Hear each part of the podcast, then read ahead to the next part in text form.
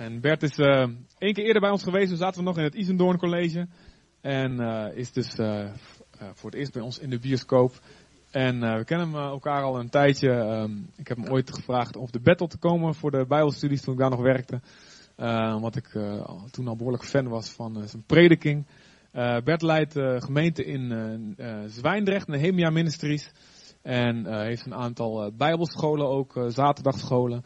Um, en buiten uh, op de uh, tweede biljarttafel, de eerste heeft, is, heeft de infotafel ingepikt.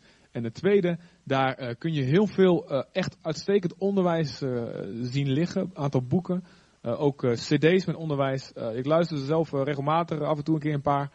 Um, is echt opbouwend, goed, duidelijk, helder onderwijs, zoals u vanochtend ook zult horen. Dus dat wil ik van harte aanbevelen, zodat hij het zelf uh, niet te veel hoeft te doen. Warm aanbevolen, ben er veel opgebouwd en ik weet van veel mensen die, uh, ja, die, voor wie hetzelfde geldt. Dus uh, neem daar gewoon een kijkje na die tijd. Um, en we gaan Bert zegenen. En oh ja, ik ben ook van wie Family 7 heeft, die kent hem natuurlijk ook, hè? Of wie heeft Family 7 hier? Laat eens eventjes zien. Ja, wij ook niet. maar ja. Zullen we... Um, onze broer zegenen. We danken u, Vader, voor, uh, voor onze geweldige broer. Dank u voor het woord wat u gevormd heeft, heer, als een boodschap in zijn leven. Dank u dat zijn leven ook een boodschap is. Dank u dat het, uh, heer, iemand is die bouwt aan uw huis, heer, en die een, een voorbeeld is, Vader. Heer, ook voor, voor mij en andere jonge voorgangers, heer, die, heer, dank u daarvoor, heer, dat we, dat we zulke mensen hebben als Bert. En we bidden u, Vader, heer, dat, uh, dat hij vanochtend in de naam van Jezus uw woord krachtig zal brengen. En zo kennen we hem, vader, maar we willen gewoon opnieuw uw genade daarvoor vragen. Dat hij het zal brengen met een helderheid, als een, als een bazuin die een duidelijk signaal geeft Heer, zodat wij weten, Heer, voor welke strijd we toe worden opgeroepen. En Vader, ook bidden wij voor onszelf en wij nemen verantwoordelijkheid voor onze oren, voor ons hart. We spreken uit in Jezus' naam dat we een grote maat zullen geven van aandacht, Heer, en van geloof. Heer, en u zegt, in die mate zullen we ook, zal ons ook gegeven worden, Heer, aan opbouw, aan vorming, Vader. Dus in de naam van Jezus, Vader, laat, Heer, de, de, de, de woorden en onze oren, Heer, onder uw gezag zijn. We gebieden ook elke leugen van Satan om te wijken in de naam van Jezus. We spreken uit, Heer, dat elk bedenksel wat ingaat tegen een juiste kennis van u, dat die, dat die op de aarde geworpen zal worden vanochtend. Elke leugen, Heer, over de wereld, over u, over onszelf, over de kerk, over, over uw woord. Elke leugen, Vader, laat die ontmaskerd worden en aan het licht gebracht worden door de waarheid met kracht in de naam van Jezus. Bouw ons op en we weten dat als we bidden naar uw wil, dan zal u het doen. Dus we danken u dat voor, Heer, dat u dat gaat doen. Dat u dat aan het doen bent in Jezus' naam. Amen. Amen. Wees gezegend Bert. Dankjewel. Goedemorgen allemaal. Heel leuk om in deze bios te zijn. Prachtige locatie. Dankbaar zijn we voor jullie voorgangers en voor de vrienden van um, deze gemeente. Het is een voorrecht om samen in het koninkrijk van God te mogen bewegen in deze natie. Deze natie heeft Jezus nodig. Amen. Ik spreek vanmorgen ehm, een thema wat twee gebieden bestrijkt. Het eerste gebied is uw persoonlijke leven. En het tweede gebied is de gemeente. Dus u kunt het op beide toepassen. Dat is een profetische boodschap. Profetische boodschap wat God doet vandaag in jou en mijn leven. En dat doe ik naar aanleiding van het leven van David. Um, ik ben zeer geïnspireerd door het leven van David. David wordt meer dan 1200 keer genoemd in de Bijbel. Er is over geen persoon zoveel geschreven als over David. En hij is als het ware een prototype voor ieders leven. Er zijn allemaal dingen die je in je eigen leven ook meemaakt en die David ook meemaakte. Um, als we kijken naar 1 Samuel 16 vers 13, dan uh, zien we daar de roeping en de zalving van David. David was niet gezien door zijn eigen vader. Uh, sommige bijbeluitleggers zeggen dat het eigenlijk een onecht kind was. Um, maar Gods ogen zagen hem was een man naar Gods hart, zegt de Bijbel. En eerst was Saul gezalfd als koning over Israël. En Saul was gezalfd uit een oliekruik. Dat kun je lezen in 1 Samuel 10. En die oliekruik geeft eigenlijk symbolisch aan het leven van Saul. Aardsgericht, broos, natuurlijke kracht. En hier zien we dezelfde Samuel komen met een oliehoren om David te zalven. En een horen, daar was een prijs voor betaald. Er was een dier voor geslacht. Er zit stootkracht en diepgang in. De Bijbel zegt in 1 Samuel 16, vers 13, Samuel nu nam de oliehoren en zalfde David te midden van zijn broeders. Van die dag af greep de geest des Heren David aan. Dit is het moment dat David geroepen en gezalfd werd. En dat is het meest cruciale moment in het leven van een gelovige. U bent op een dag geroepen en op een dag gezalfd voor de dienst van God. En als u niet geroepen bent, dan wordt u vandaag geroepen. Amen. Want God roept u bij een naam. En velen zijn geroepen, weinigen uitverkoren, zegt de Bijbel. Maar wanneer ben je een uitverkoren? Als je ingaat op de roeping van God. Zo simpel is die theologie. Ga je in op de roeping, ben je direct een uitverkorene. Dus als je nog twijfelt aan je uitverkoren zijn, ga in op de roeping en je bent uitverkoren. Heerlijk hè? Zo simpel is de evangelie. Dus reageer de roep van Jezus. Hier zien we de eerste zalving in het leven van David. En u zult misschien niet eerder opgemerkt hebben, maar David werd drie keer gezalfd in zijn leven. En in die drie keer zien we een opgaande lijn, zien we een progressie. En dat is precies wat God in uw persoonlijke leven, in mijn persoonlijke leven wil doen. Dat we groeien. We groeien ergens naartoe. We groeien naar het beeld van de zoon. We groeien naar volwassenheid. We groeien onze bestemming. Want niet het feit dat u geroepen bent, tot Jezus gekomen bent, gezalfd bent, brengt u direct in uw bestemming. Er moet iets gebeuren om u en mij in onze bestemming te krijgen. En God wil zo graag dat u persoonlijk in je bestemming komt, maar ook dat we als kerk in onze bestemming komen. En nu raken we gelijk even de twee gebieden aan. Dus dit geldt voor u persoonlijk, maar ook voor u als kerk. God heeft deze kerk in Zutphen gegeven om tot zijn bestemming te komen. Ergens in. Het is zo belangrijk om je daarin ook te wortelen, daarin te geven, daarin te zeggen, hé, hey, ik wil meebouwen aan dit huis, aan dit stukje koninkrijk in Zutphen, opdat het koninkrijk van God baan breekt in dit stukje van Nederland. En dat is belangrijk. En daarom luister goed naar deze boodschap. Maak notities. Want het is eigenlijk een boodschap waar ik highlights aan geef, maar waar zoveel meer in zit. Dat als u erop gaat sabbelen, dat u meer en meer ontdekt dat u meer en meer zult gaan zien wat God voornemens is te doen. Als David geroepen wordt, dan zien we eh, al heel snel dat David opgemerkt wordt als een worshipper en in de buurt van Saul komt. Saul is de koning van Israël. Op een dag stuurt zijn vader hem naar het front toe om brood te brengen voor zijn broers die in het front meevechten tegen de Filistijnen. En dan zien we hoe David in de eerste instantie in 1 Samuel 17 afgewezen wordt door zijn broers. Wat kom jij hier doen, knulletje? Afwijzing is eigenlijk het eerste waar je mee moet dealen wanneer je tot Jezus bent gekomen.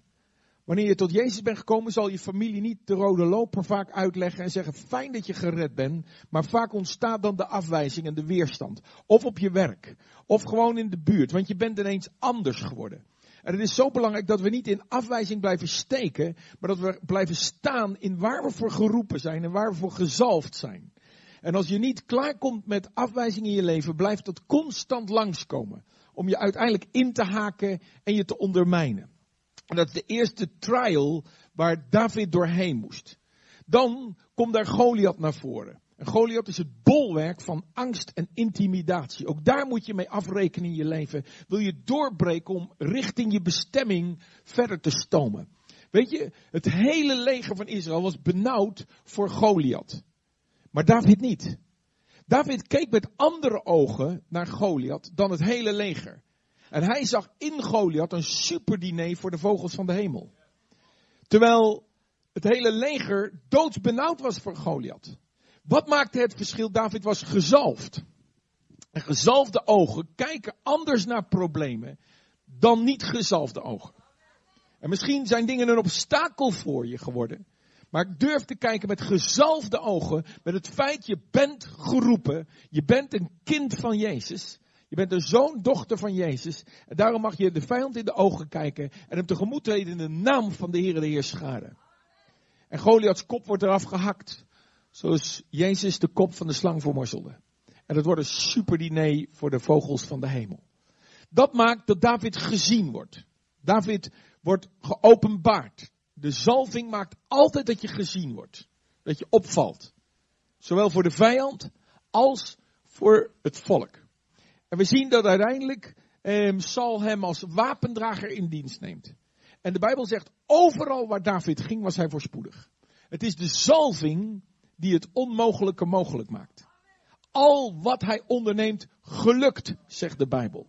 En ik geloof dat die zalving, de zalving van de Heilige Geest, ook op u is, ook op mij is, dat al wat we ondernemen gelukken zal. David merkte dat overal waar hij uitgezonden was, was hij succesvol. De vijand deinsde terug, overwinning op overwinning op overwinning was daar.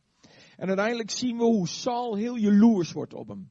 En we zien een foute geest in het leven van Saul opstaan. En jaloersheid en aanstoot nemen begint het hart van Saul te terroriseren, te verzuren.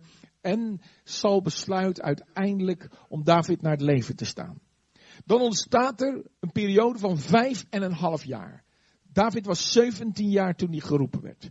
En een periode van vijf en een half jaar ontstaat er. En die periode is een hele moeilijke periode in het leven van David. Terwijl hij geroepen en gezalfd was om koning over Israël te worden, zien we een periode, een seizoen in zijn leven, dat eigenlijk een rampensituatie tot stand had. Want als een wild dier moest hij constant vluchten voor de hete adem van Saul in zijn leven. Die eerste zalving staat ook ergens voor. Die eerste zalving vormt de identiteit in het leven van David.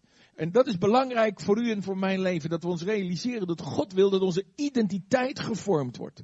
En onze identiteit wordt gevormd door af te rekenen met afwijzing, door af te rekenen met angst en intimidatie, en door steeds meer te gaan weten wie je bent in Christus. En ik zie heel veel gelovigen die in een grote identiteitscrisis verkeren. Ze weten niet wie ze zijn in Christus. Ze laten zich afwijzen. Ze laten zich intimideren. Ze gaan op de vlucht voor de vijand. En ze zijn instabiel. En we zien dat de druk van Saul enorm toeneemt. En eerst probeert David zijn sterkte te vinden bij Samuel. En is daar bij de profetenschool te Najot, komt onder de beweging van God, maar Saul komt daar ook, dus hij moet verder vluchten. En in 1 Samuel 22 zie je dat hij een andere profeet aanklampt. Dat is de profeet Gad. Je kunt het lezen in 1 Samuel 22 vers 5. En dan komt hij bij de profeet Gad. En God spreekt door de profeet heen. En die zegt, blijf niet in de bergvesting. Ga heen en trek naar het land Juda. De profeet profeteert, ga naar Juda. Als de hete adem van de vijand op je nek zit, als je in grote druk bent, in grote moeite, ga naar Juda. Wat betekent Juda? Zij die lofprijzen. Ga naar hen die aanbidden. Ga naar hen die connectie hebben met de hemel. Dat is de beste advies wat je iemand kan geven. Omring je door mensen die een connectie hebben met de levende God.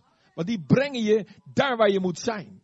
En hier zie je de richting die God geeft als David dreigt gedesoriënteerd te worden door de constante pressie op zijn leven. Even lijkt het alsof hij die kant op gaat, maar dan zit Salm opnieuw op de hielen. En dan in 1 Samuel, um, even kijken, 28 of 27, zien we dat David een besluit neemt wat hij zonder God neemt.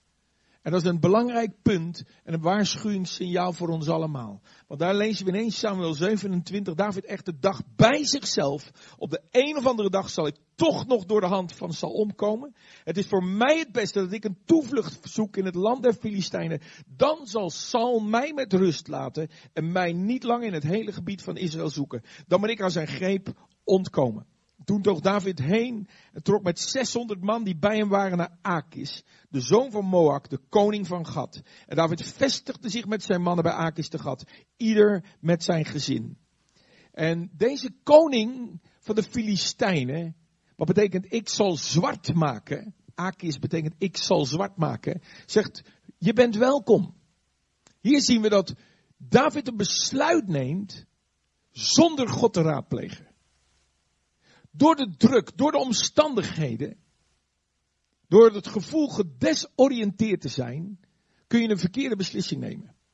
En dit is een prachtig voorbeeld hoe iemand die opgejaagd is een verkeerde beslissing neemt.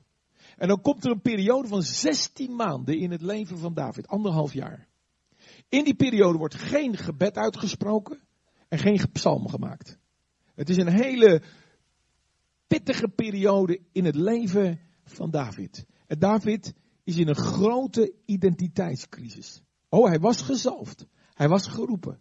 Maar er lijkt eigenlijk helemaal niets meer van zichtbaar. Hij meldt zich aan bij de koning van de tegenstander. Ik zal zwart maken. En hij vraagt, mag ik bij jou wonen? En hij zegt, je mag bij mij wonen.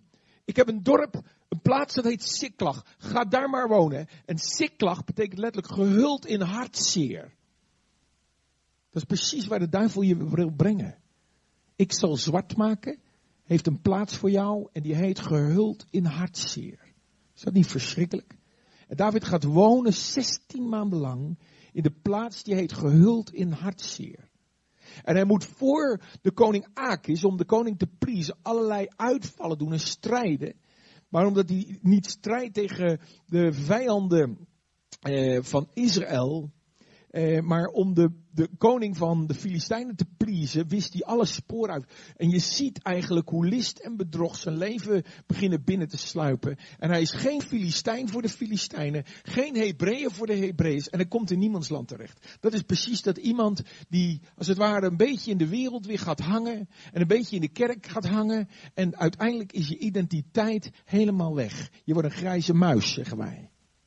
Je bent eigenlijk niet meer zichtbaar zoals God wil dat je zichtbaar bent. En dat is een verschrikkelijke situatie. En uiteindelijk wordt er een groot offensief georganiseerd door de Filistijnen tegen Israël. En dan mag David niet mee. En dan blijkt dat hij nergens bij hoort. En dan gaat hij terug naar Siklag. En in Siklag heeft Amalek huis gehouden. Amalek betekent letterlijk ik zal afranselen. En Amalek had de vrouwen en de kinderen en de hele voorraad kamers leeg geplunderd en alles meegenomen.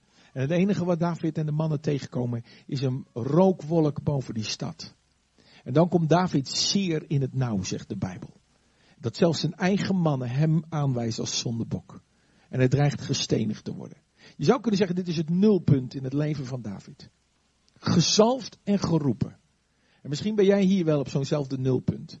Je dacht, ja, ik ben ooit naar voren gegaan. Ik heb ooit mijn leven aan Jezus gegeven. Ik was ooit, wist ik, ik ben gezalfd ergens voor. Maar ik zit in zo'n crisis in mijn leven en ik lijk geen fluit verder te komen. Dan is dit jouw dag. Dan is dit jouw morgen. Want weet je wat er gebeurde? In dat meest cruciale moment sterkt David zich in de Heer. Weet je waarom hij dat kon? Omdat hij gezalfd was. God komt altijd terug op degene die hij geroepen en gezalfd heeft. En dan, en dat is zo mooi om te zien, als David zich sterkt in de Heer, weet hij de visieloosheid van die 600 mannen die met stenen in hun handen tegenover hem stonden, weet hij om te turnen en hij weet ze mee te nemen in de focus naar de gezamenlijke vijand. En ze halen de hele buit terug. En dan ontstaat er een nieuw moment in het leven van David dat hij zich opnieuw oriënteert. Oriënteert in God. En moet u kijken wat er dan staat in 2 Samuel 2. Hierna vroeg David de Here. Na 16 maanden bij de Filistijnen zien we aansluiting naar God. Omdat hij zich gesterkt had in God.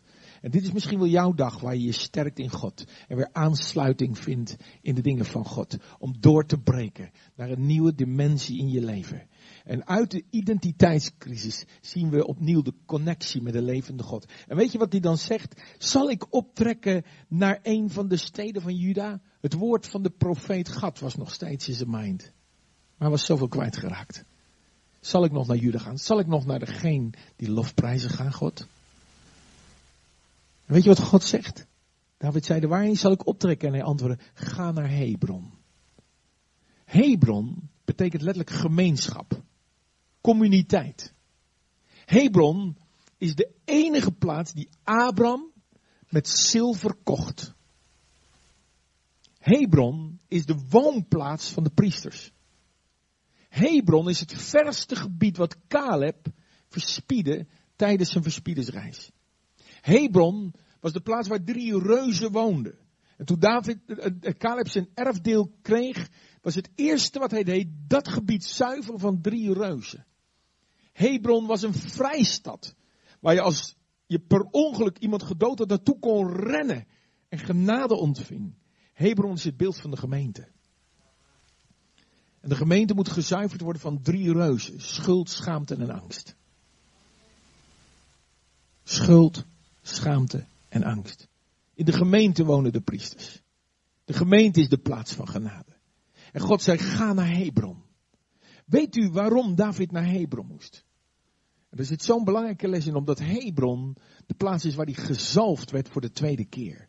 Het is de gemeente waar iemand gezalfd wordt voor een nieuwe dimensie van God, voor zijn toekomende bestemming. Niet ergens een prachtige conferentie of wat dan ook, maar God gebruikt de gemeente, want de broeders en zusters, de leiders van de gemeente, zien in jou de bestemming in God. Daarvoor heeft God leiders gegeven. Die zien in jou wat God heeft voor jou. En hier zien we op een prachtige wijze dat zichtbaar worden. Ook liet zijn man in vers 3 van 2 Samuel 2, die bij hem waren, meetrekken. Ieder met zijn gezin. In Hebron is plaats voor het hele gezin. En zij vestigden zich in de steden van Hebron. En de mannen van Juda kwamen en zalfden David daar tot koning over het huis van Juda. Hier zien we een nieuwe dimensie in het leven van David doorbreken. Hij wordt gezalfd.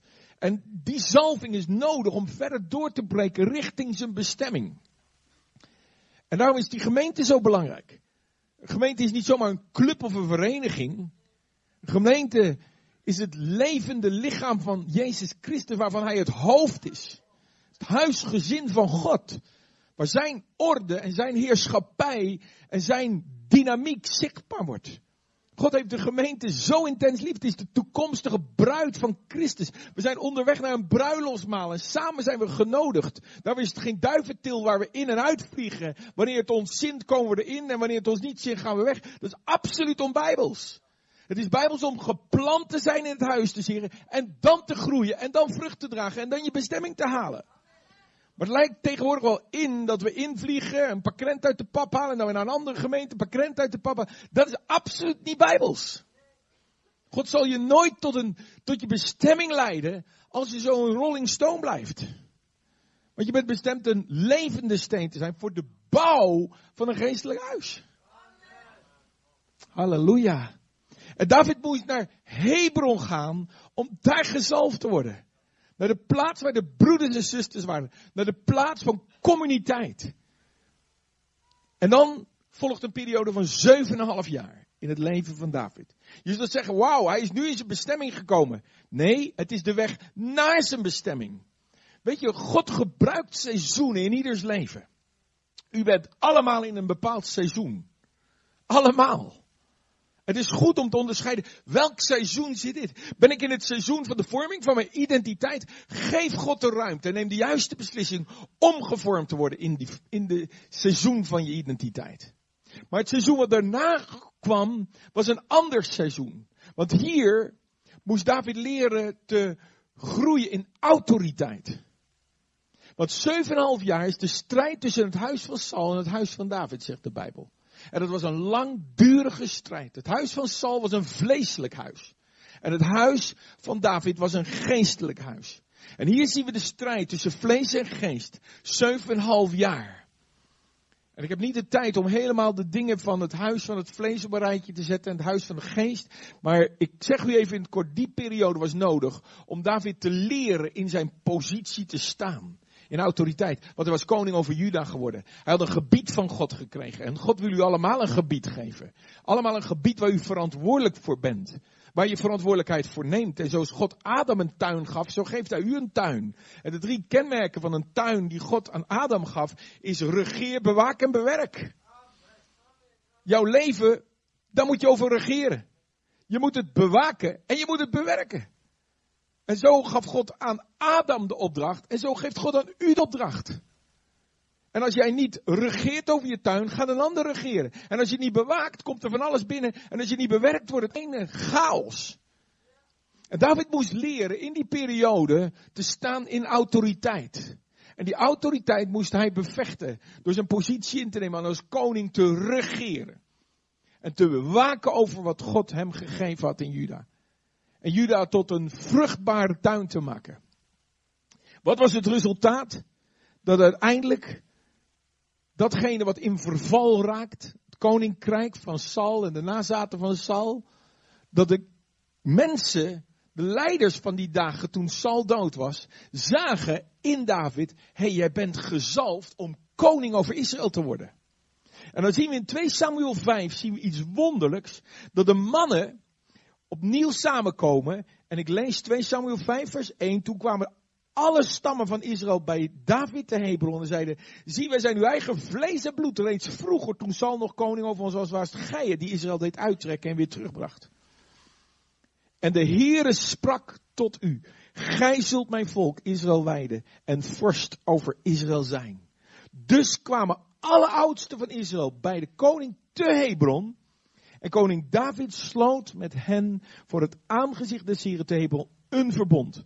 En daarop zalfde zij David tot koning over Israël. De derde zalving in het leven van David. Koning over heel Israël. Over de twaalf stammen. Halleluja. Waar? In Hebron. Zie je de bevestiging van zijn bestemming opnieuw in Hebron plaatsvindt? Door jaren van trouw, door jaren dienstbaar, door jaren gevormd te worden, komt uiteindelijk hier de derde salving. En die derde salving brengt een nieuwe dimensie van Gods kracht in zijn leven openbaar. U bent onderweg ergens naartoe. Het is zo goed om dat te realiseren. Ongeacht hoe je nu voelt, ongeacht of je in een moeilijk seizoen bent, je bent ergens naar onderweg. En stap niet uit het seizoen waar je nu in bent. Maar ga door dat seizoen heen, opdat je doorbreekt naar het nieuwe seizoen. Dat is de uitdaging. Na winter wordt het weer voorjaar, halleluja.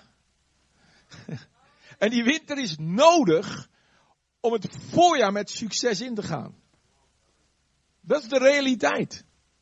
En we zien dat David, als hij voor de derde keer gezalfd is, dan zien we gelijk zien we dat hij een besluit neemt. En nu gaan we in kaart brengen, wat is nou zijn bestemming? Want die bestemming is profetisch ook de bestemming voor de kerk. Profetisch is het ook de bestemming voor u en voor mij. En we zien hier in 2 Samuel 5, zien we in vers 6, de koning trok met zijn mannen naar Jeruzalem op. David begint gelijk op te stomen richting Jeruzalem. En dan zien we dat daar geen welkomstcomité is. Want daar waren die Jebusieten. En die Jebusieten betekent letterlijk heidenen die plat treden. Heidenen die plat treden. Dat was zijn welkomstcomité. En die Jebusieten, die ondermijnden elke vorm van goddelijk gezag. Hij was gegroeid in zijn gezag, de tweede zalving. En hier zien we gelijk de Jebusieten zeggen, lammen en blinden zul je het nog niet eens toelaten. Met andere woorden, wie ben jij David? Denk jij dat je in Jeruzalem kan komen? We houden je absoluut tegen. Je bent een watje voor ons. Ze maken gezag belachelijk. Waar komen die Jebusieten vandaan? Jebusieten hebben een oorsprong in Gam. En Gam was een van de zonen van Noach. En Noach had op een dag te veel wijn gedronken. En die lag piemeltje naakt in zijn tent. En Gam maakte hem belachelijk. Vaderlijke autoriteit die belachelijk gemaakt werd door een van de zonen. Die twee andere zonen dekten de naaktheid, de schaamte af door een kleed over de naakte Noach te leggen. En als Noach uit zijn roes komt, komt Gam onder de vloek. Wat was de kernzonde van Gam? Hij tastte door God gestelde autoriteit aan. En dat is nooit vrijblijvend. Nooit. Ook al denk je alles te kunnen zeggen over autoriteit, het is nooit vrijblijvend. Want God heeft autoriteit gesteld. En hier zie je dat die Jebusieten, die proberen door God aangesteld autoriteit, David was gezalfd en geroepen tegen te houden in zijn bestemming te komen. Die Jebusieten verdwijnen van het toneel. En dan is de laatste fase, en dat leest u in vers 17, toen de Filistijnen hoorden dat men David tot koning over Israël gezalfd had, trokken alle Filistijnen op om zich van David meester te maken.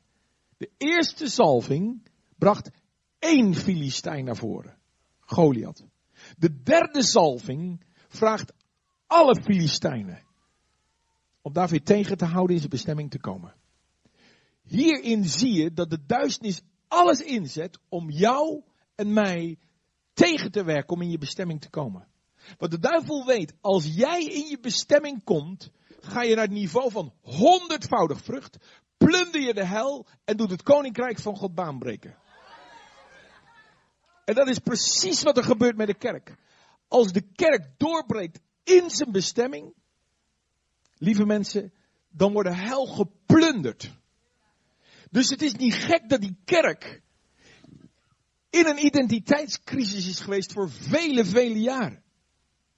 Want nu ga ik even profetisch, als het ware, boven de kerk hangen. En kijk maar naar de kerkgeschiedenis. Wat is het grootste probleem van de kerkgeschiedenis? De grote identiteitscrisis. De kerk weet helemaal niet wie ze is.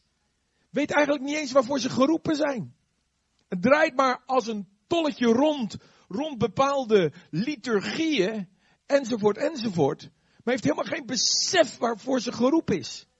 De tweede probleem waar de kerk is in blijven steken, is in de gezagsproces. In het hebben van de autoriteit. Ze weten helemaal niet welke autoriteit ze hebben. En dat heeft de kerk krachteloos gemaakt. De kerk is constant bezig zichzelf te bevechten. Want er is zoveel gekissebis in de gemeente. Die vindt dit en die vindt dat en die vindt dat zus. En goddelijk gezag wordt ondermijnd door gelovigen. En de duivel lacht zich rot. Die vindt het prima, want die weet, blijven jullie maar lekker in die fase hangen. Als je uit je identiteitscrisis bent, blijf dan in een gezagscrisis zitten. Prima, dan kom je niet tot je bestemming. En dat is wat wereldwijd, maar met name in Nederland, op grote schaal bezig is. Dat men geen respect heeft voor goddelijk gesteld gezag.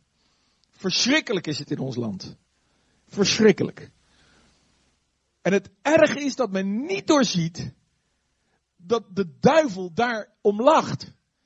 En daardoor de kerk krachteloos gemaakt wordt. Want als je niet regeert vanuit Gods regeersysteem, als je niet bewaakt en bewerkt over de tuin waar God je gesteld heeft, wordt het gewoon een chaos. Wordt het een chaos. En er is geen kerk die dat proces niet meemaakt. Nou, David moest er 7,5 jaar doorheen worstelen. Maar hij brak door. En dan is gelijk de test daar van de Jebusieten en de Filistijnen. Maar David brak door. Want hij was gezalfd. Hij was gezalfd. En hij wist wie hij was. Hij besefte dat hij koning zou zijn over Israël. Om te regeren, om iets te doen voor de natie. En God heeft de gemeente gegeven om iets te doen voor de natie. Om iets te doen voor de steden en de dorpen waar we kerk zijn. Niet om een club te zijn die het fijn heeft samen, maar om impact te hebben in onze samenleving. En we zien hier dat David opstoomt richting Jeruzalem. En als hij opstoomt richting Jeruzalem, is er één ding wat zijn hart helemaal doordrongen en vervuld heeft. Hoe zou ik de ark des Heren tot mij brengen? Hoe zou ik de tegenwoordigheid van God brengen in het centrum van mijn regering? Halleluja. En dat brengt hem uiteindelijk in de bestemming. Want die derde salving geeft zicht op de glorie van God. Die geeft zicht op iets van God. Waarvan de Bijbel zegt dat in de dagen van Saul niemand bekommerde zich over de ark des Heren. Terwijl als David gezalfd is voor de derde keer, is er direct in zijn hart een verlangen. Hoe zou ik de heerlijkheid, de ark van God, tot mij brengen? En nu gaan we even inzoomen waarom die ark zo belangrijk is. En wat David gezien heeft in die ark. Want die ark was meer dan een houten kist. Die ark was de woonplaats van God. Die ark was de plaats die, die, die één keer door de hoge priester op de grote verzoendag bezocht werd. In het heilige der heiligen en waar de hoge priester zeven keer bloed sprengde op het verzoendeksel. Zeven keer. Zeven keer gaf Jezus zijn bloed. Zeven keer. Prachtig mooi beeld van de hoge priester van het oude verbond. Wijst naar de hoge priester Jezus Christus van het nieuwe verbond. En deze plaats, waar dat bloed op kwam, heet het verzoendeksel. En de Bijbel zegt letterlijk over dat verzoendeksel in Exodus 25 vers 22. Daar zal ik met u samenkomen. En van de verzoendeksel af tussen de beide gerubs op de ark der getuigenis over alles met u spreken. Dat was de plaats van intimiteit. Dat was de plaats van connectie met de levende God. Dat was de plaats die je zou kunnen beschrijven in nieuwtestamentische termen, de troon van Gods genade. Waarom ben ik daar zo stellig over? Omdat Paulus in Romeinen 3 vers 25 zegt, Want alle hebben gezondigd en missen de heerlijkheid van God en worden om niet gerechtvaardigd uit zijn genade. Door de verlossing in Christus Jezus. Hem, luister goed, hem, wie? Jezus, heeft God voorgesteld als zoenmiddel, staat er, als zoenmiddel. Door het geloof in zijn bloed, om zijn rechtvaardigheid te tonen. Over wie gaat het hier? Over Jezus. Wat is Jezus? Hij is het zoenmiddel. Het woordje voor zoenmiddel in het Grieks is hilasterion. En hilasterion betekent letterlijk troon van genade, mercy seat of verzoendeksel. Dus, als we met dat woord teruggaan naar die tekst uit Exodus 25, vers 22, dan zien we, daar zal ik met u samenkomen en van het verzoendeksel, van wie? Wie is het verzoendeksel? Van Jezus uit, over alles met u spreken. Wauw, wauw, wauw. En nu gaat u het pakken, hoop ik. Nu gaat u begrijpen waarvoor David verrukt was. En wat de bestemming was van David. Hij wilde Jezus in het centrum van de natie hebben. Halleluja. Hij wilde Jezus. En waar is de kerk voor geroepen? Om Jezus centraal te maken. Jezus zichtbaar te maken voor de natie. Daar is de kerk voor geroepen. Wat gebeurde er, lieve mensen? Als David de ark binnenhaalt, en dat ging de eerste keer verkeerd, u weet het, dan volgt een periode van drie maanden. En in die drie maanden, de Bijbel spreekt erover, dat David vreesde God en David is in de geschriften gedoken. David ging studie maken, ging onderwijs zoeken. Het is zo belangrijk om kennis aangaande de heerlijkheid van God te hebben. En in die drie maanden heeft hij ontdekt waar het om ging. En toen haalde hij de ark binnen op priesterschouders die geheiligd waren voor God. En wat doet David dan? David begint te bewegen in een andere dimensie dan in de toenmalige tijd. De orde van Aaron verbood dat de ark op een andere locatie gezet werd. Want de ark hoorde in de tabernakel van Mozes. En de tabernakel van Mozes in de dagen van David was gevestigd op de berg Gibeon. Daar was de tabernakel van Mozes. Maar daar was de ark al vele jaren uit. Want die had op een zolderkamertje in Kirat Jeriam gestaan. En na het probleem de eerste keer de ark naar Jeruzalem brengen in het huis van Obed-Edom. Daar stond die ark. En als David de grote dag inluidt om de ark naar Jeruzalem te brengen, maakt hij, en u kunt het lezen in 1 Kronieken 15 en 16, maakt hij een aparte tent, een aparte tabernakel voor de ark. Dit is absoluut out of the box. Kun je je voorstellen? De tabernakel van Mozes. En hij maakt een tabernakel in Jeruzalem, op de berg Sion. Zonder voorhangsel, zonder voorhof, zonder brandoffers. En hij plaatst daar de ark van het verbonden, de troon van Gods genade. Dus twee tabernakels in het leven van David. Daarvoor zegt hij ook in een van de psalmen, hoe lieflijk zijn uw woningen, staat er. Mijn ziel verlangt naar God. Woningen staat er. Waren twee woningen in de ogen van David. De ene plaats was de plaats waar de offers plaatsvonden. En de andere plaats werden helemaal geen brandoffers en dieroffers gebracht. Dat was de worship. Dat was de aanbidding. Wat deed David? Wat maakte hem zo'n reformist? David bracht een reformatie tot stand. En ik geloof de kerk staat aan de vooravond van de nieuwe reformatie. Weet u dat? Iets in God is bezig een reformatie. Of misschien moet ik het nog heftiger zeggen, een revolutie tot stand te brengen. Heel veel mensen zijn vandaag op zoek naar Jezus. Meer als ooit. Zijn op zoek naar de troon van Gods genade. Vele oprechte gelovigen komen een kerk binnen. Vandaag de dag in ons land. En het eerste wat ze horen is de wet. De Bijbel zegt, en ik citeer letterlijk de tekst uit 2 Korinthe 3. Want tot heden toe blijft dezelfde bedekking over de voorlezing van het oude verbond zonder weggenomen te worden, omdat ze slechts in Christus Jezus verdwijnt. Ja, tot heden toe ligt telkens wanneer Mozes, of met andere woorden de wet, voorgelezen wordt, een bedekking over hun hart. Maar telkens wanneer iemand zich tot de Heere bekeerd heeft, wordt de bedekking weggenomen. Wat gebeurt er als iemand oprecht God zoekt, komt een kerk binnen en hoort daar het voorlezen van de tien geboden. En dat is in brede schaal, gebeurt het nog elke zondag in de vele, vele kerken. Dan komen ze onder een bedekking. En die bedekking is een mist over hun hart, waardoor ze Jezus niet zien.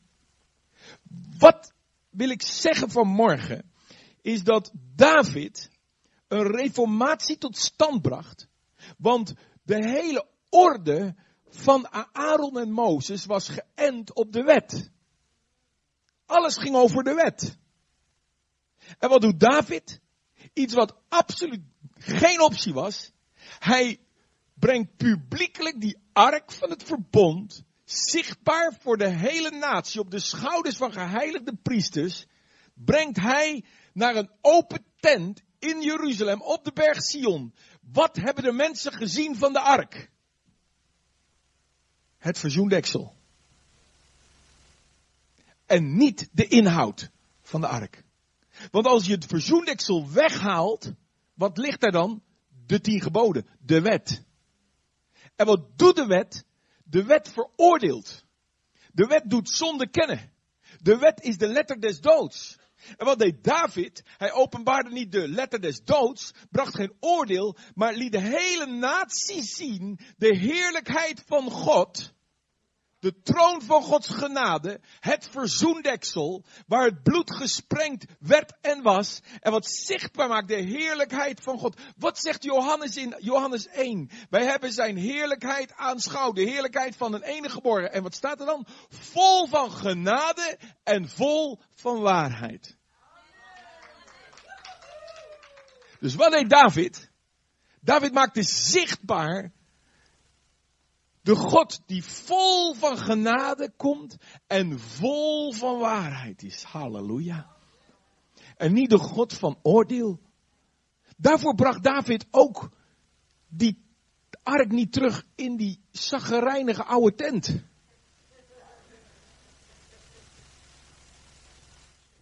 Waar hij maar één keer per jaar de hoge priester alleen naartoe mocht. Maar u leest in 2 Samuel 7 bijvoorbeeld, dat David ging gewoon bij de ark zitten, terwijl hij niet eens priester was. Onder de orde van de Aaron stond er de doodstraf op. En David gaat daar zitten. Hoe was dat mogelijk? Omdat hij in een andere orde bewoog. Hij bewoog in de orde van Melchizedek. Hij bewoog in de orde, de nieuwtestamentische orde, waar u en ik ook door Christus ingekomen zijn. Als u kijkt naar 1 Kronieken 16, dan ziet u dat David een efot draagt. Weet u wat een efot is? Dat is een hoge priestelijk kleed. Terwijl hij koning was. En het was geen optie onder de Aaronitische lijn dat een koning een hoge priestelijk kleed droeg. Dan werd je gestenigd. David deed dat wel. David zegende het hele volk. Terwijl dat geen optie was dat een koning het volk zei, dat deed de hoge priester. Waarvoor deed David dat wel? Omdat hij anticipeerde profetisch in de orde van de komende Messias. In de orde van Melchizedek. Dat maakte dat hij het volk kon zegenen. Dat maakte dat hij kon dansen. Dat maakte dat hij kon bewegen als koning priester. In de dimensie waar u en ik in mogen bewegen. Koning priester. En in die orde bewoog hij. En in die orde laat hij zien dat er iets komend was waar wij vandaag in leven. En als wij de heerlijkheid van God, want onze bestemming als kerk, lieve broeders en zusters, is dat wij de glorie van God zichtbaar maken. Weet u dat?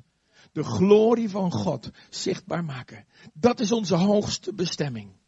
Want als wij de glorie van God zichtbaar maken. En wie is de glorie van God? Dat is Jezus.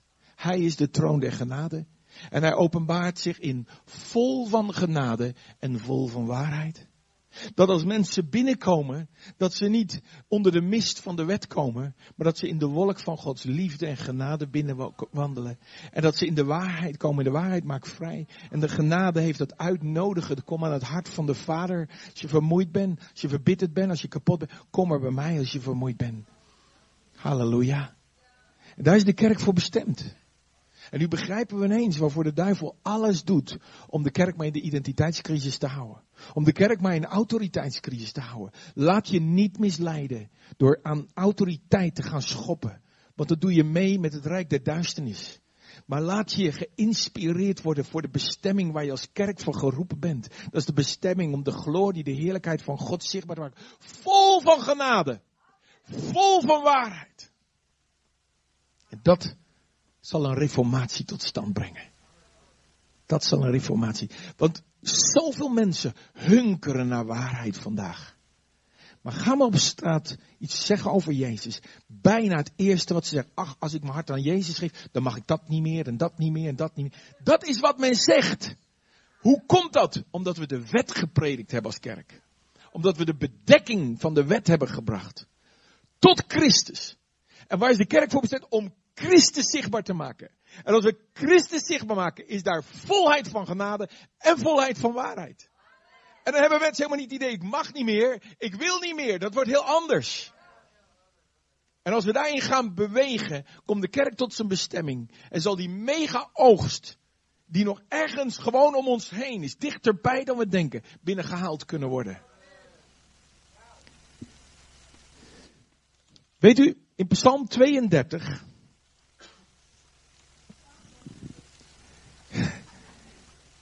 Exact ja. In Psalm 32 staat wel zalig hij.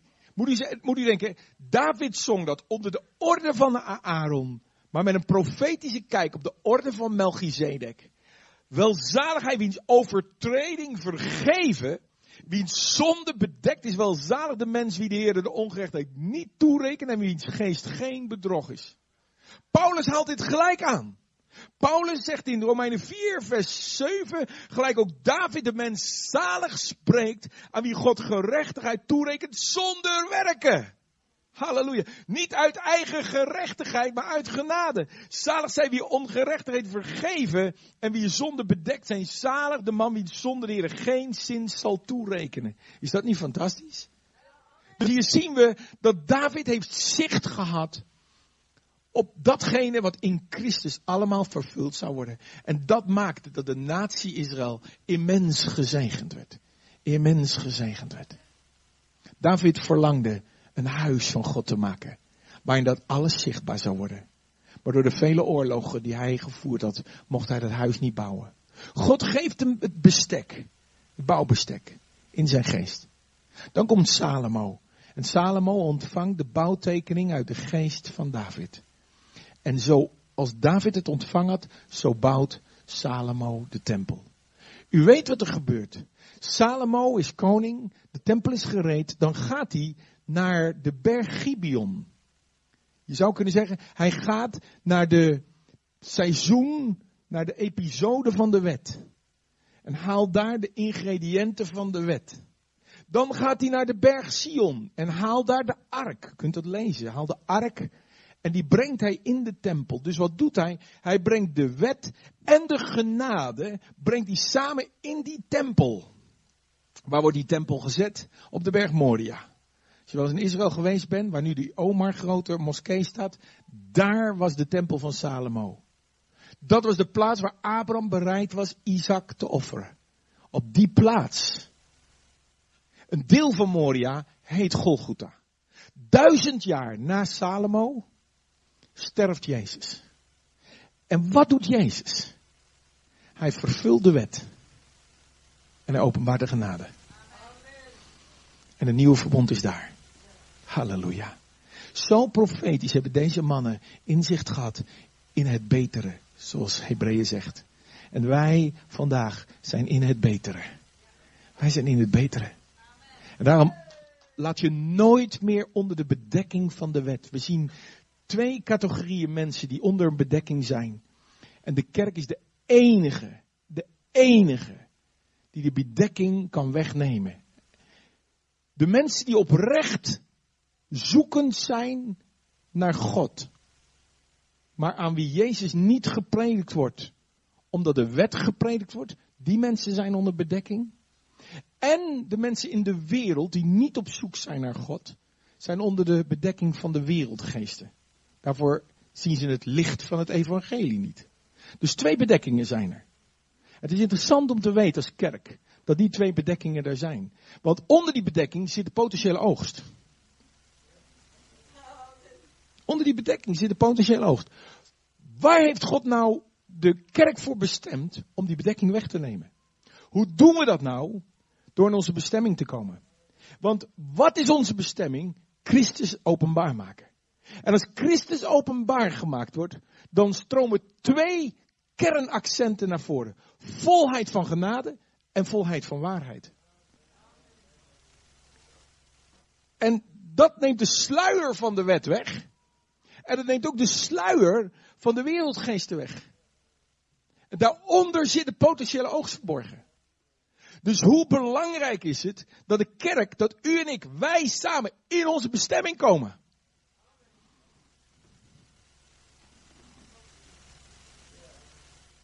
Daarvoor spreek ik echt profetisch. Er is een reformatie op komst. Want als de kerk gaat begrijpen, dieper gaat begrijpen wat genade van God betekent, komt datgene wat misschien nog in ons eigen hart bedekt is door wetticisme. Je kan 30, 40 jaar christen zijn en toch tot de conclusie komen dat een stukje in jouw hart ook nog gewoon wettisch is. Ik ben er ook tegenaan gelopen in mijn eigen leven. En dat is zo taai als koek. Verschrikkelijk taai, als pek. Maar wanneer Gods licht daarop schijnt en schijnt, kom je steeds meer in een nieuwe dimensie van vrijheid. En zal steeds meer de waarheid en genade door jouw leven heen zichtbaar worden. Als de kerk dat gaat pakken, straalt de kerk de boodschap van genade en waarheid uit zoals het nooit gedaan heeft. En zullen mensen de kerk niet meer associëren met dan mag dat niet meer, dan moet dat en zus en zo. Maar dan zullen de kerk associëren als de plaats waar genade uitstroomt, waar waarheid uitstroomt, waar je binnen kan komen als grootste zondaar en omarmd wordt. Halleluja. Zoals Jezus de zondaren omarmde. En dan valt alle religie en godsdienst valt weg. En dan komt er een totale vrijheid in Gods gemeente. En dat is onderweg. Halleluja. Amen. Laten we een moment nemen om samen te bidden. Halleluja. Dank u Jezus dat u hier bent. Dank u dat u spreekt door uw woord heen, heren. En ik bid, Heer, dat er diep in ons hart, dat we zicht krijgen op datgene wat u David liet zien. David, die zoveel meer zicht had als al die anderen. Hij zag Jezus. Hij zag het zoenmiddel. Hij zag de plaats waar God en mens kunnen samenkomen. De plaats van het offer van Jezus. En dat openbaarde hij de natie. En dat maakte dat een nieuw geluid de natie Israël vulde. Rond de tabernakel van Mozes was geen muziek, geen aanbidding, geen dans. Rond de tabernakel van Mozes was er 24 uur aanbidding, dans, blijdschap. Dank u Jezus. En ik dank u dat u bezig bent uw kerk te leiden in de bestemming. Zoals we zien hier in de drie seizoenen in het leven van David, herkennen we onszelf misschien wel vandaag. En dat is mijn vraag ook als jij jezelf herkent. Zegt ik zit in een grote identiteitscrisis. Ik zit gevangen bij de Filistijnen. Er is hartzeer. Er is eigenlijk geen uitzicht, geen doorzicht. Ga dan staan op de plaats waar je bent. Dan is dit jouw dag. Om door te breken. Om je te sterken in God. Om naar een nieuwe fase te komen. Neem dan je besluit Zeg, ik blijf hier niet in. Ik blijf hier niet in. Ik ben niet geroepen in een identiteitscrisis te blijven. Maar ik ben geroepen voor een bestemming in God. Als dat jouw situatie is, ga dan staan op de plaats waar je bent.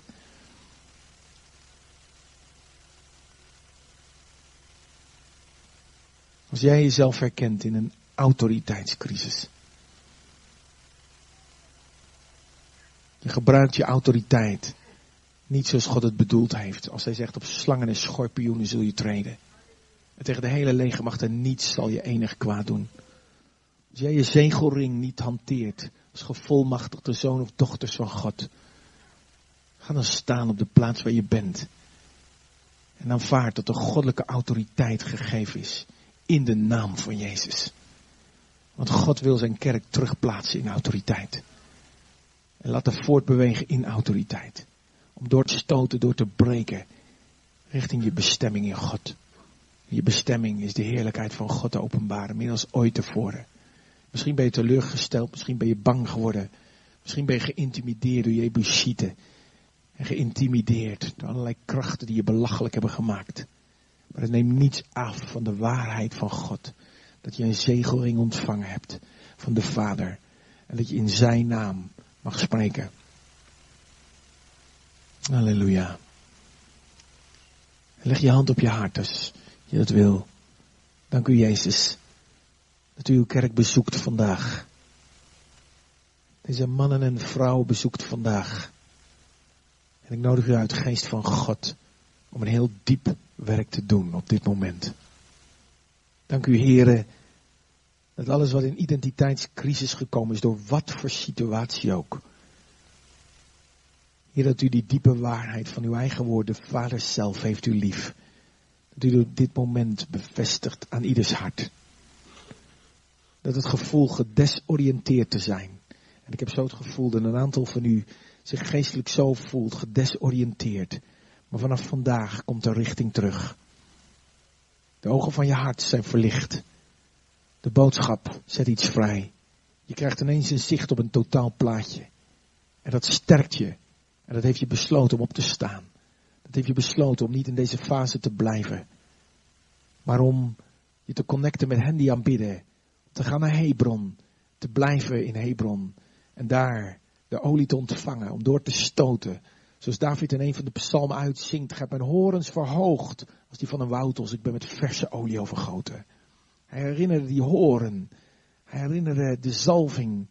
En er is verse olie. En zo geldt het ook voor jou om door te stoten in een ondoordringbaar gebied. Gebied waar je nog gisteren, nog eergisteren was. Ik zegen je erin in Jezus' naam. Ontvang zijn touch. Ontvang zijn verse olie over jouw situatie, over jouw seizoen. Op dit moment in de naam van Jezus. Dank u heren dat u hen die in autoriteitscrisis of conflict zijn terechtgekomen. In herinnering heeft gebracht dat ze een zegelring hebben ontvangen. Zoals Serubabel een zegelring was bestemd voor de tijd, voor de glorie van God. Dank u Jezus dat u autoriteit terugbrengt waar het geroofd is, waar het ondermijnd is, waar het belachelijk is gemaakt. En ik zegen je daarin in Jezus' naam op dat het aan je hart op dit moment komt. Ik zet het vrij in je hart. Op dit moment te ontvangen. Halleluja. Te ervaren, hé, hey, er komt boldness terug. Er komt boldness terug. Ik heb boldness terug. Vastberadenheid. Stoutmoedigheid geloof.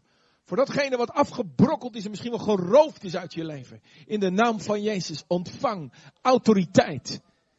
Niet door je eigen werken, maar om wat je bent in Christus. Wat je ontvangen hebt in Hem, in Zijn naam. In de naam van Jezus. En ik dank u heren, dat u door de rijen heen gaat, u die harten diep aanraakt op dit moment. Dat harten beginnen te branden. Zoals bij de Emmausgangers. Heer die ook omkeren en richting Jeruzalem gingen. Heer, omdat er een keerpunt was in hun leven. En ik bid voor dat momentum vandaag, Heer, dat er iets begint te branden. Heer, dat sombere ogen eens ogen open gaan voor het heldere plaatje. Heer, dat datgene wat niet kon zien weer zal zien. Dat niet kon horen weer kan horen. En direct een turnaround punt komt. Terug in mijn bestemming. Terug naar de bestemming richting Jeruzalem. Om de glorie van de levende God, om Jezus openbaar te maken. Ook vanuit dit huis. Dat Zutphen zal weten dat Jezus leeft. En dat Jezus zijn uit uh, zijn uitzinnige aanwezigheid gezien zal worden in volheid van genade en volheid van waarheid. En u wil dit huis gebruiken, Heer, als een huis wat komt in zijn bestemming in Jezus' naam. En ik bid, Heer, dat de zalving zal stromen. Heer, dat u, dat u helden van David gaat brengen, Heer. Heer, die dit huis verder bouwen en samenbouwen. Heer, die de, die de, de, standaard hoog weten te houden. Die vastberaden zijn om door te breken, om niet terug te deinzen. Om te staan in de roep waarmee dit huis geroepen is. Dank u Jezus. Dank u Jezus. Dank u Jezus. Dat dit een huis zal zijn. Dat zijn bestemming niet zal missen. Dat dit een huis zal zijn. Want een geluid zal vrijzetten in de stad. En wat de mensen zal beschamen. Die als Mikkel aan de verkeerde kant van het raam stonden. Maar dat het mensen zal brengen die zicht krijgen op de heerlijkheid van God, op Jezus Christus. Dat dit het huis zal zijn in Zutphen. Wat de bedekking van de wet wegneemt. Wat de bedekking van de wereldgeesten wegneemt. Door zo duidelijk Jezus Christus zichtbaar te maken. Dat niet bezig is met interne conflicten. Maar wat bezig is om door te breken door de linies heen van de Jebusieten en de Filistijnen. Om te staan. Om te staan. Om te staan. Wat niet strijdt, langer strijdt tegen een huis van Saul, maar staat in de bestemming van de levende God. Dank u dat u rondgaat. Dank u dat u dit woord vrijzet, bevestigt in de harten. De naprediker bent, het tot leven wekt in de machtige naam van Jezus. Halleluja. Amen. Amen, amen. Geef een klapoffer voor Jezus. Pak wat hij heeft voor jou. Pak wat hij heeft voor jou. Dit is zo belangrijk. Door te stoten. En dat is wat ik echt voel. Als u dit plaatje pakt, gaat u echt dingen anders zien. Anders beleven. Gaat u anders staan. Gaat u anders spreken. Laat u zich niet vangen door verkeerde dingen. Maar bent u eigenlijk klaar met datgene waar de duivel dacht je te hebben? Weet u dat? Je bent er klaar mee. Want je gaat ineens vanuit Gods perspectief de dingen zien. Dit huis is bestemd om de glorie van God, om Jezus Christus zichtbaar te maken. Vol van genade en vol van waarheid. En dat is waar Zutphen op wacht. Dat is wat Zutphen zal penetreren met waarheid. Dat is wat Jezus een gezicht zal geven. Dat is wat, wat maakt dat deze ruimte te klein gaat worden. Dat is wat maakt dat er vele nieuwe mensen gaan komen. Alleen dat zal het maken. En u bent daar een onmisbare schakel in. U allemaal. Niet alleen uw leiders, allemaal. Het is zo goed dat u gereageerd heeft door te gaan staan. U zegt, ik pak het. Ik pak het. Ik ga erin staan. I've got it. Om het nooit meer los te laten. En ook al is er soms de hitte van de strijd zo heftig. Ga door. Hou je koers. Hou je koers. Wijk niet af. Te veel christenen zijn, terwijl het stormt, afgeweken, uit de boot gesprongen zijn, verzopen onderweg. Hou je koers. Blijf in de boot. De grootste fout die je tijdens een storm op het meer kan meemaken is uit de boot te stappen. Dus de grootste fout. Blijf in de boot. Hou de koers. En je komt aan wal. Hou dat vast, lieve mensen. En ik voel dat echt er een aantal zonen. Blijf in de boot. Hoe oncomfortabel het misschien ook soms even voelt. Maakt helemaal niet uit. Staat nergens in de Bijbel. Je bent alleen maar goed bezig als je je comfortabel voelt. Ik heb het niet gelezen. En denk om, ik heb de Bijbel goed gelezen. Het staat er niet in. Wees bereid jezelf in de dood te brengen elke keer. Dat Jezus zichtbaar wordt. Om de goede strijd te strijden. Om trouw te zijn. Dicht bij Jezus en dicht bij elkaar te blijven. Amen. Ook dicht bij elkaar te blijven. Raak elkaar niet kwijt. Weet je wat het geheim is? De band van liefde. De band van liefde. Liefde is de beste kuur. Voor alles. De band van liefde, die smelt samen. Die bindt samen. Bedankt voor jullie oor. God zegen. Ik heb nog, we hebben nog wat boekjes meegenomen. Als je een boekje wil lezen wat je leven op zijn kop zet. Strijdbare helden. Een heerlijk boek om je bold te maken. Om je stoutmoedig te maken. Heel veel mensen vragen zich af wie is God. Deze serie gaat over wie is God. Ze hebben met de, de Hubble-kijker eh, hebben ze miljarden lichtjaren gekeken in het universum. Weet u wat ze daar zagen? En dat leg ik hier uit. Dat is zo mooi. Het verste punt in het universum. Daar werd een kruis gezien. Dat is geweldig. Daar ben een kruising. Zegt de Bijbel niet, ik ben de alfa en de omega. Ben het begin en het eind. Dit geeft u een heerlijke zicht over de drie zalvingen. Dit zijn vijf cd's over deze boodschap. Veel uitgebreider, veel diep. Dus voor degene die zegt, ik wil dit helemaal herkauwen en eigen maken. Die boodschap kun je ook op de boekentafel halen. We hebben in IJsselstein, dichtstbij zijn voor jullie, een school van de Heilige Geest. Dat zijn vier zaterdagen. Januari, februari, maart en april. Vier zaterdagen. Als je jezelf vier topzaterdagen gunt. Om dieper in de kracht van de Heilige Geest, om de persoon van de Heilige Geest dieper te leren kennen. Twee uur onderwijs, één uur praktijk. Onvergetelijke zaterdagen zijn het. Geef je dan op digitaal voor de school van de Heilige Geest te liggen op de boekentafel zo'n foldertje. Uh, kom met volle auto's en, en beleef dat gewoon. U gaat daar zo veranderd door worden. Vuur komt daar waar het zijn moet en u raakt het nooit meer kwijt. Dick Pieterman heeft een nieuw boek geschreven. U kent hem over genade. Als je diepe openbaring van Gods genade wil hebben, dan is dit een heerlijk boek. Achter in het boek zit een cd met 15 boodschappen over genade. We hebben er een paar bij ons, dus ook daarin kun je je hart ophalen. En tenslotte, we hebben één keer in het kwartaal komt er een blad uit, Church Life Magazine. Een heerlijk blad met diepgaand onderwijs voor het hele gezin. Als je dat blad nog niet hebt en je wil het ontvangen, kost maar 17,50 per jaar. Dan kun je dadelijk een kaartje invullen bij de boekentafel. Krijg je een blad mee cadeau. En je krijgt nog gratis een cd cadeau. Ehm, en dan krijg je het eerstkomende blad krijg je ook gewoon thuis gestuurd. En ik zeg je, het zegent je echt, want het brengt je dieper in de dingen van God. Hartstikke bedankt voor je zijn. Ik geef het terug aan jou. En uh, God zegen, we houden van jullie. Bye bye.